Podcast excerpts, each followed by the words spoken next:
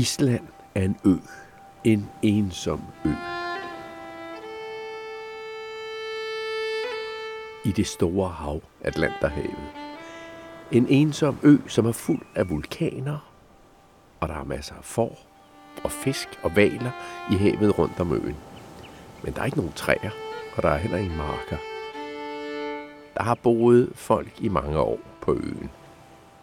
Men der er nu ikke så mange, der bare lige er kommet på besøg. Men det gjorde danskerne engang. De kom for mange hundrede år siden, og så sagde de, at nu er Island så blevet dansk. Ligesom Grønland og Færøerne. Men denne dag, som du er kommet ind i nu, en sommerdag 1809, der sker der noget, som gør, at det hele bliver anderledes. Det er Jørgen, som har besluttet det. Han er dansker, men han vil give islændingene deres frihed på sin helt egen måde.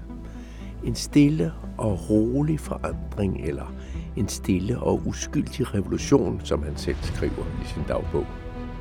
Og også en meget kort revolution. Det her er historien om de to måneder, hvor Jørgen var konge af Island. Du lytter til en podcast-historie om Jørgen Jørgensens fantastiske liv, lavet for Københavns Biblioteker af mig, Claus Vitus.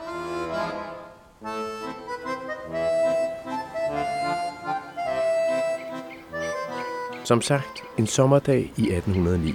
Det er søndag. Folk i hovedstaden Reykjavik er på vej hjem fra kirke, og Jørgen sidder ved et bord i en af de fineste huse i byen.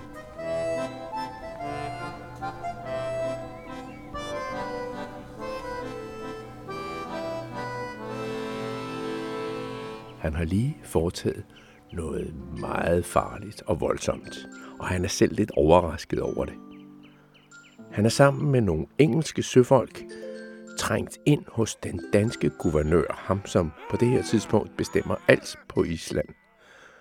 Og guvernøren lå der på sin sofa i sit fine hus og sov, da Jørgen trådte ind med en pistol i hver sin hånd. På klart og tydeligt dansk sagde han, du er anholdt og skal følge med til skibet, hvor vi låser dig inde i et rum.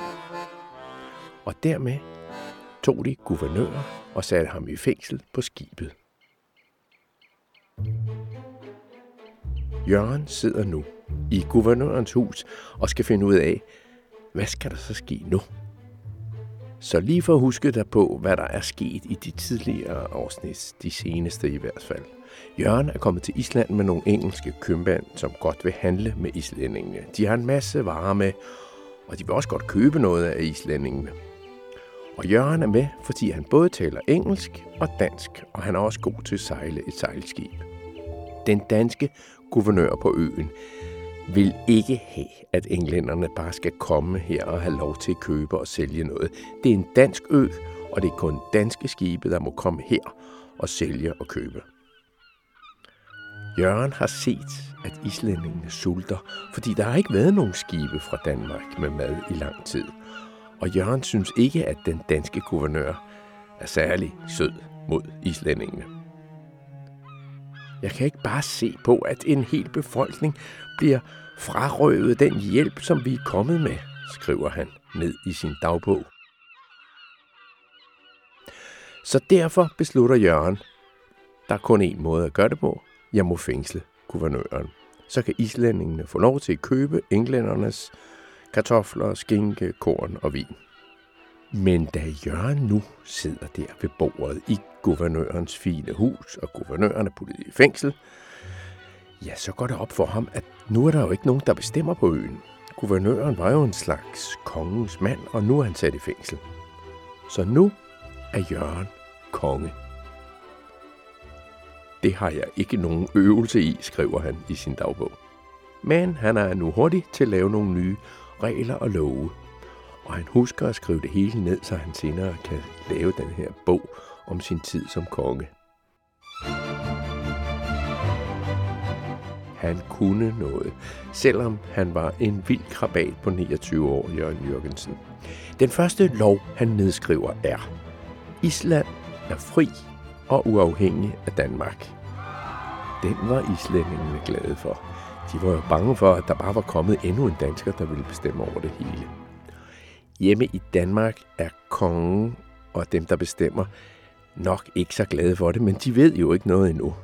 De er jo helt hjemme i Danmark, og der er langt fra Island til Danmark.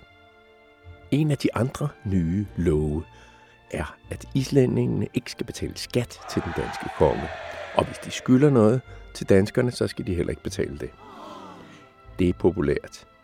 Jørgen sidder der i kontoret i guvernørens fine hus og bliver ved med at finde på den slags populære love. Madpriserne, dem sætter vi ned, så koster det kun det halve. På sygehusen er der problemer. Uh, dem, som skal hjælpe med fødslerne, jordmøderne, får en meget dårlig løn. De skal have mere i løn. Og der mangler læger. De skal også have mere i løn. Så kommer der flere læger.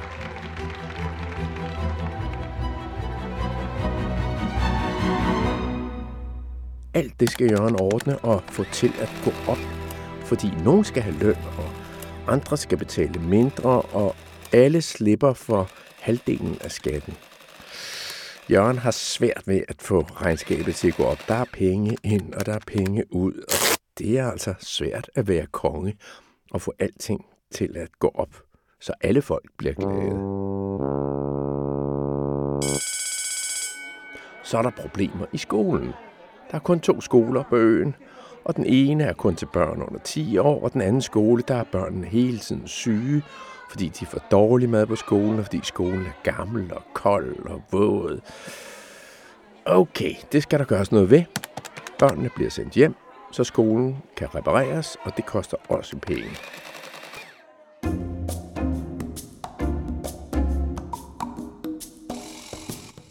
Alt det var islændingene ikke vant til. De var vant til, at danskerne tog alle pengene, og islændingene sultede og havde det elendigt. Det var dengang i starten af 1800-tallet. I dag har de det godt og er sig selv, og Danmark bestemmer ikke mere. Men i Island lærer man stadigvæk dansk i skolen. Og Jørgen er kendt, fordi det var sådan set ham, der begyndte kampen for at bestemme selv.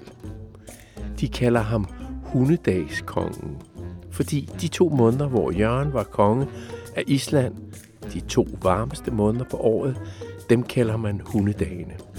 Og Islands kendteste forfatter, Einar Mar Gudmundsson, har skrevet en bog om ham. Kan høre her, hvor godt Einar Mar rent faktisk taler dansk.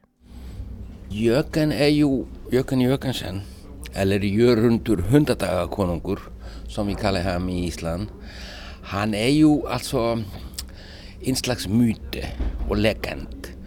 Du ved, at han ikke er bange for myndighederne og du ved, den slags, fordi så man betragtede ham som en slags altså, revolutionær. Altså. Ja, vi, vi syntes det bare var en uh, morsom eller sjov episode i vores historie.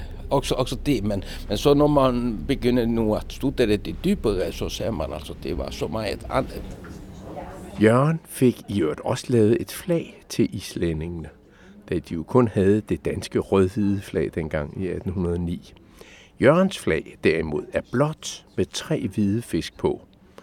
Og det flag er der nogen på Island, der i dag 2023 stadigvæk bruger.